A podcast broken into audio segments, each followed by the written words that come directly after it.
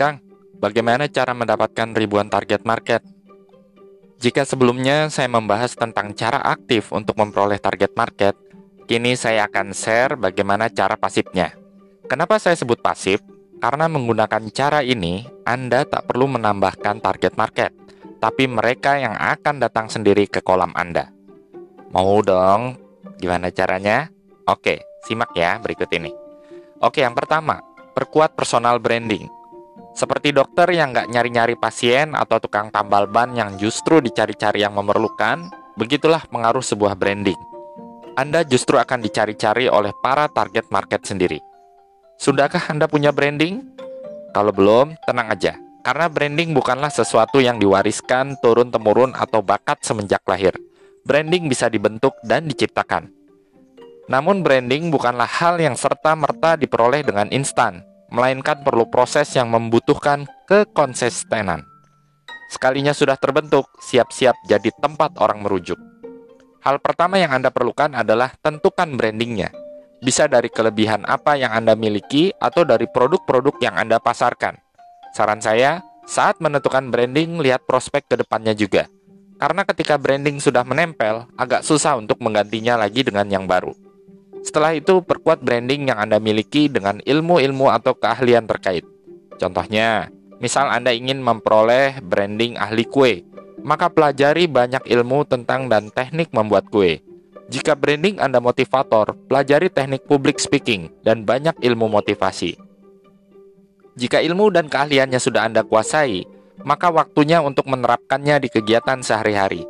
Karena orang-orang tidak akan menilai hanya dari kompetensi, tapi juga dari hasil karya atau bukti. Jika branding Anda ahli kesehatan, maka buktikan dengan gaya hidup sehat. Apabila brandingnya produk kecantikan, maka selalu upayakan tampil dengan cantik. Setelah melakukan kesemuanya secara konsisten, Anda akan memiliki personal branding yang sangat kuat. Apalagi telah didukung dengan kompetensi yang mumpuni, lalu ditunjukkan dengan karya asli bukan hanya sekedar omongan tanpa bukti. Orang-orang sendiri akan menghampiri Anda tanpa harus dimintai lagi. Yang kedua, sering sharing-sharing. Personal branding Anda bo uh, boleh jadi sesudah kuat, tapi untuk mendapatkannya lebih banyak target market lagi. Anda perlu melakukan hal yang lain. Salah satunya adalah dengan sering sharing-sharing. Hitung-hitung, Anda membagi kompetensi yang dimiliki, berbagi manfaat bagi khalayak ramai, Anda juga tengah mempromosikan branding Anda sendiri. Sosial media salah satunya, media yang tepat untuk membangun personal branding dan sharing-sharing. Selain penggunanya banyak, ada banyak fitur-fitur yang akan membantu Anda dalam banyak hal, seperti menambahkan kesan visual, live video, share artikel, dan lain-lain. Jika dirasa sangat bermanfaat, orang lain pun tak akan segan mempromosikan Anda lebih jauh lagi kepada kontak-kontak yang mereka miliki. Bahkan secara cuma-cuma, tanpa dibayar, bahkan tanpa diminta.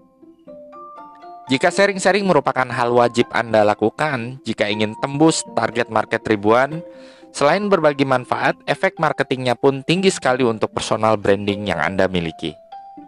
Oke, itu yang kedua. Yang ketiga, aktif interaksi.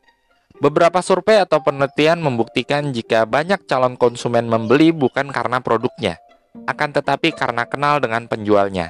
Jadi termasuk hal yang penting juga untuk membangun komunikasi dengan mereka. Dalam bersosial media khususnya, selain Anda wajib rutin sharing konten-konten yang menarik, Anda juga harus rutin membangun interaksi. Apabila menemukan ada yang mengomentari postingan, maka berikan juga balasan.